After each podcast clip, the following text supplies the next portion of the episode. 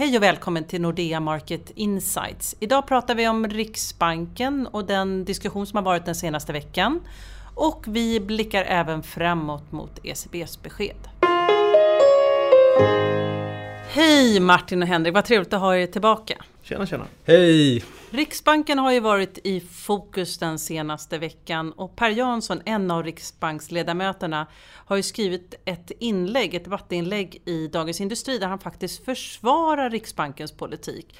Och eh, att han anser att det är den som faktiskt har skapat den högkonjunktur som vi ser i Sverige idag. Hur ser ni på det? Ska jag börja ja, svara på det innan eh, Lill-Per Jansson kommer in här och, och eh, förmodligen vänder och vrider på mina argument. Det finns ett par skäl till varför svensk tillväxt lyfte under 2015 jämfört med 2014. Och det, de förklaringarna tenderar eh, att skjuta bredvid den verklighet som Per Jansson beskriver. En Accelererande privat konsumtion hade vi 2015 som ett resultat av Riksbankens reporäntesänkningar där fastighetsmarknaden i Sverige har gått från het till, till glödhet. Och där har ju Per Jansson rätt. Det är Riksbankens verk, fallande marknadsräntor, det får en förmögenhetseffekt samt frigör köpkraft för hushållen, jada jada.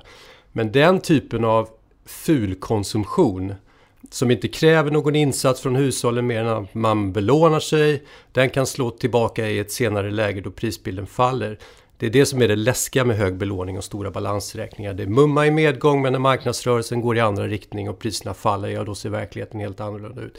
Svensk konsumtion har en tydlig korrelation med tillgångspriset så därför måste man lägga till till Per Janssons argument att Sverige förvisso har lyft tillväxt och konsumtion till en ny nivå men med ökade risker i termer av skuldsättning och fastighetsinflation. Nu märker jag att Martin börjar vrida på sig här, men jag måste säga någonting mer. Därtill har Per Jansson rätt när han i sin, eh, i sin debattartikel beskriver att en starkare utveckling i svensk export är ett viktigt skäl till varför tillväxten växlat upp. Det stämmer. Men han vill få det till att det var bevarandet av den, svenska, den svaga svenska kronan via sänkta räntor som resulterade i en volymökning hos svenska exportföretag. Det är helt fel. Det håller jag inte alls med om. En svag krona ger exportföretagen ökade vinster men i min värld påverkar det, inte bara i min värld, det går att grafa alldeles utmärkt, så påverkar det inte försäljningsvolymerna. Förklaringen är istället att vår vikt, vårt viktigaste handelsområde, EMU-området, de återhämtat sig under 2015, köpte fler varor från svenska företag och svensk export av varor har en extremt bra korrelation med andra våra handelspartners import. Låt mig gripa in lite här. Jag håller, Således, jag håller vi, med vi kommer att exportera varor i ett läge då svensk krona är stark och efterfrågan är stark. På samma sätt som vi, vi kommer inte exportera några varor alls när efterfrågan är svag och kronan är svag. Det Henrik egentligen menar nej, uh, jag håller med om mycket det Henrik säger. Jag tycker väl att om vi går tillbaka lite i tiden och tittar på vad Eh, strategerna Henrik, jag och ett par av våra kollegor skrev för ett år sedan. Då hade vi lite sådana här kommentarer ute i marknaden att svensk tillväxt kan bli 4% 2015 hävdade vi. Och då hängde vi upp det på en enkel modell där vi bara tittar på vad brukar hända när boräntorna i Sverige faller och när kronan utvecklas som den då hade gjort.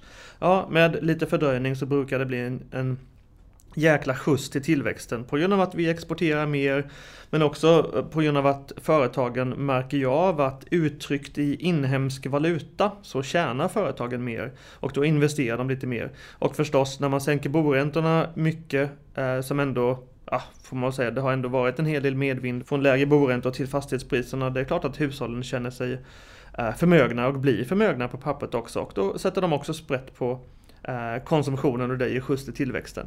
Jag håller med Henrik här att det här medför ju risker. Eh, men jag tycker huvudanledningen till att Sverige går som tåget, Tesla, Sverige och allt sånt där man kan läsa om i media. Det är Riksbanken, det är för att de har underminerat kronan, hållit den svag och sänkt boräntorna. Så jag tycker Per Jansson har helt rätt. Sen är det ju så att det här medför ju väldigt eller stigande risker. Makrorisker, strukturella risker, hushållens belåning och så vidare.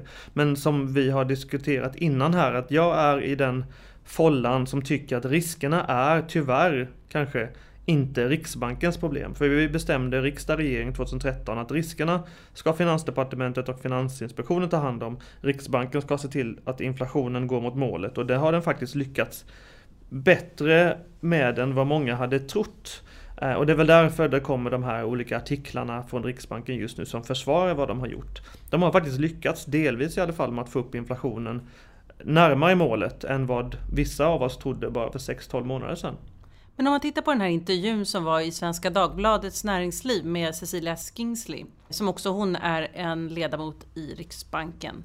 Då är hon inte alls lika säker på att de ska fortsätta att stimulera ekonomin på det här viset. Hybris. Nej, eh, man, man kan väl säga att Riksbanken de har lyckats på sätt och vis att få upp inflationen hittills. Riksbanken har också lyckats få upp inflationsförväntningar. Så folk och fä eh, tror nu lite mer på att Riksbanken faktiskt ska göra vad som krävs för att hålla inflationen på 2 de kommande fem åren. Ehm, och så man har fått påverkan på inflationen och man har fått påverkan positivt på inflationsförväntningarna. Och det gör att just nu så tror i alla fall Riksbanken att de kan luta sig tillbaka lite. Ehm, jag menar de här fantastiska tillväxtsiffrorna så som centralbanker brukar tänka så om du har god tillväxt, vilket vi har i Sverige, väldigt god till och med, då kommer arbetsmarknaden förbättras och om arbetsmarknaden förbättras så kommer det bli konkurrens om eh, arbetstagarna och då stiger lönerna och då stiger också inflationen. Det är en sån här otroligt eh, standardsyn på hur inflation ska skapas inhemskt i ett land. Eh, så det är klart att Riksbanken tror att det här, med högre konfidens tror att det här kommer spela ut nu.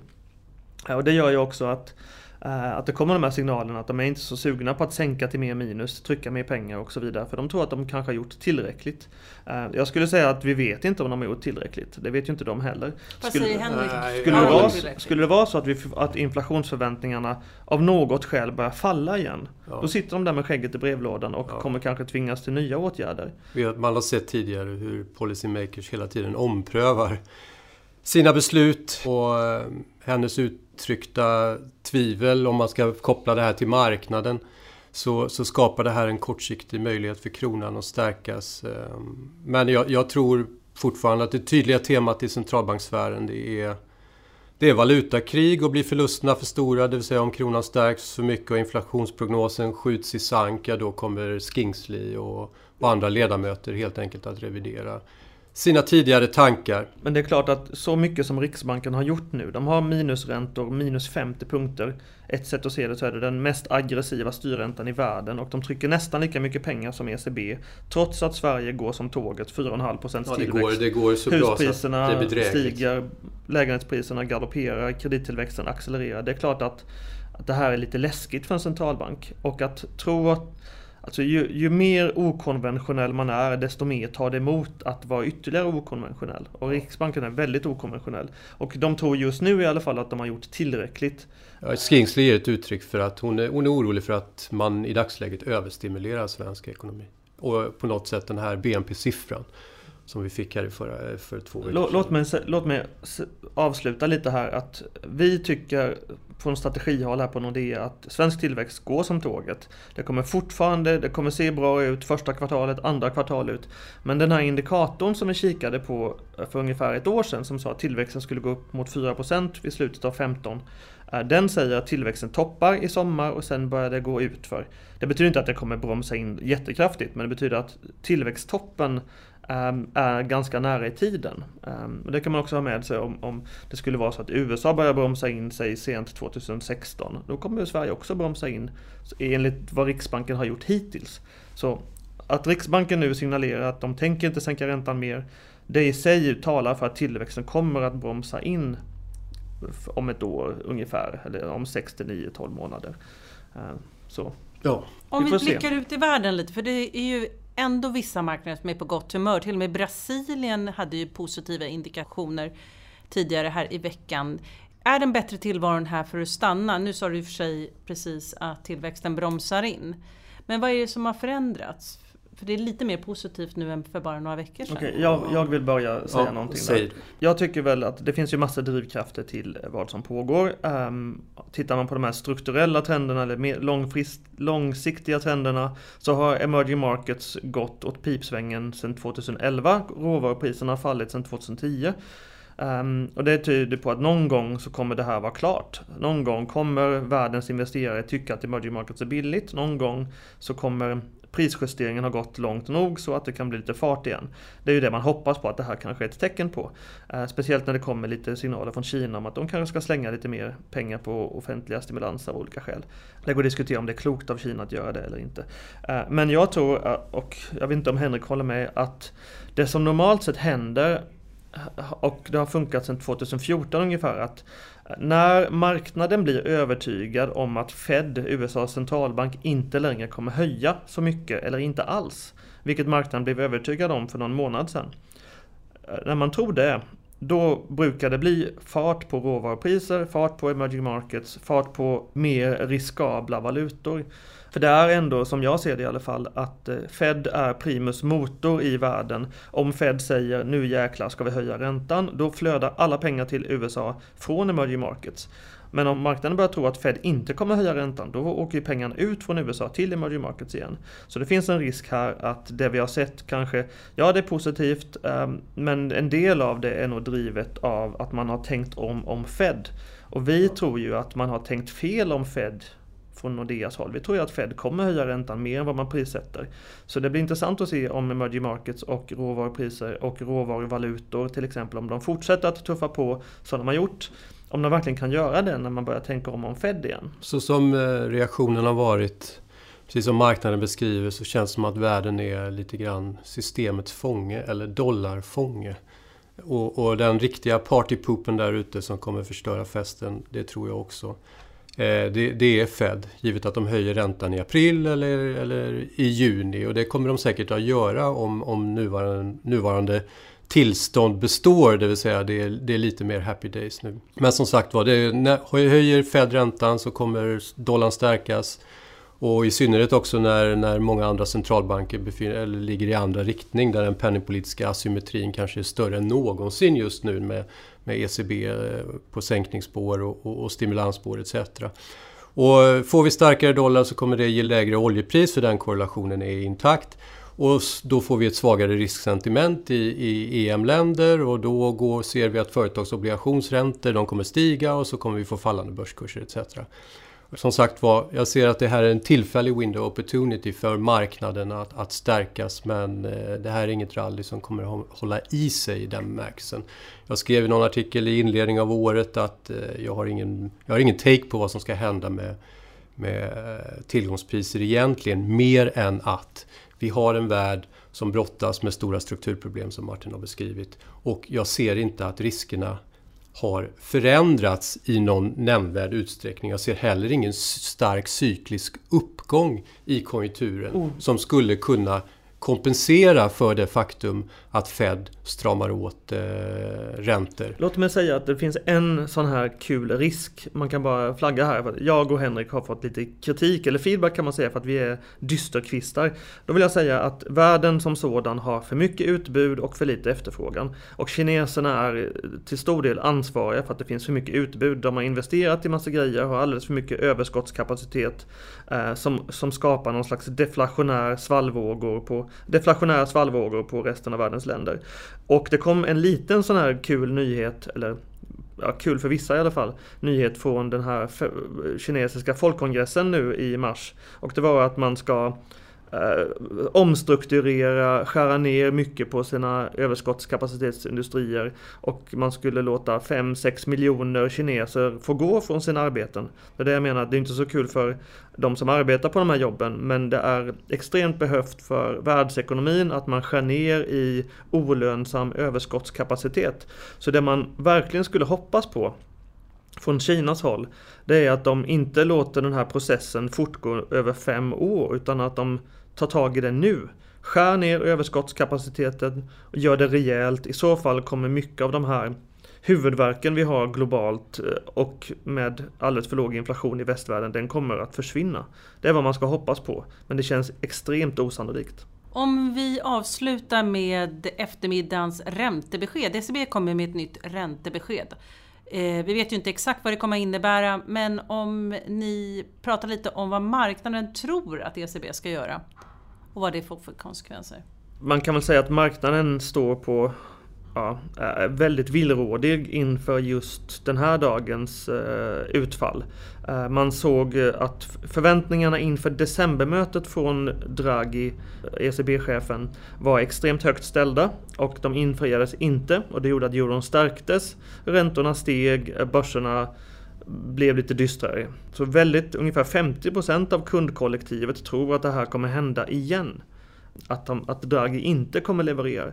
Den andra återstoden lutar åt att han kommer leverera och ECB kommer leverera någonting som gör marknaden tillräckligt glad så att euron försvagas mot dollarn, mot kronan, att europeiska räntor faller, långa räntor ska också falla och att det spiller över på lägre svenska räntor längre ut.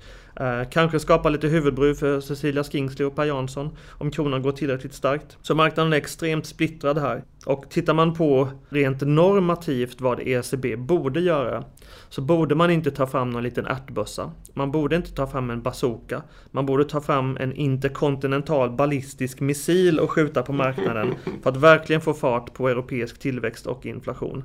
Eh, så det är det de borde göra. Men här vet man ju inte riktigt hur mycket ammunition har man kvar.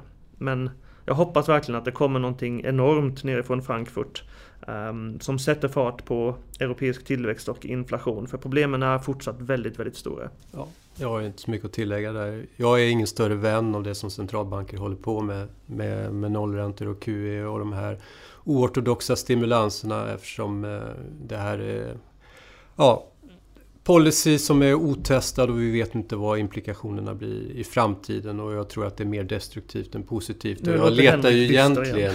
efter en mer koordinerad finanspolitisk insats ifrån EU-länderna. Man kan inte bara lämna det här åt centralbankerna. Så varje gång vi har ett sånt här centralbanksbesked och, och man vet att det, det, kommer komma mer aggressiva penningpolitiska stimulanser och, och då blir jag bara oerhört dyster. Ja, man, ja, jag håller med Henrik att på något sätt att centralbankerna gör, tvingas göra som de gör därför att vi har i allt för många länder politiker som inte tar sitt ansvar eller som har dragit fel lärdomar av historien. Och Europa är fullt av sådana eh, politiker. Tyskarna. Jag brukar säga lite elakt att Tyskland som är Europas motor säger man att, men att eh, i termer av tillväxt är viktigaste ekonomin och så vidare. Men tyskarna är emot allting som är roligt och allt som funkar. Och då blir det att ECB och deras italienska chef eh, får ta i med de här hårdhandskarna ändå och då blir ju Henrik irriterad. Men vad ska de annars göra när politikerna inte levererar? Fast det öppnar ju upp för nya podcast längre fram där vi kan prata mer om alla händelser på de globala finansmarknaderna. Absolut. Så tack för att ni var här. Tack, tack. tack. Tack för att ni har lyssnat. Om du vill ha fler analyser så hittar du dem på nexus.nordea.com. Du kan också prenumerera på något av våra nyhetsbrev som du hittar på nordea.se markets. Välkommen tillbaka!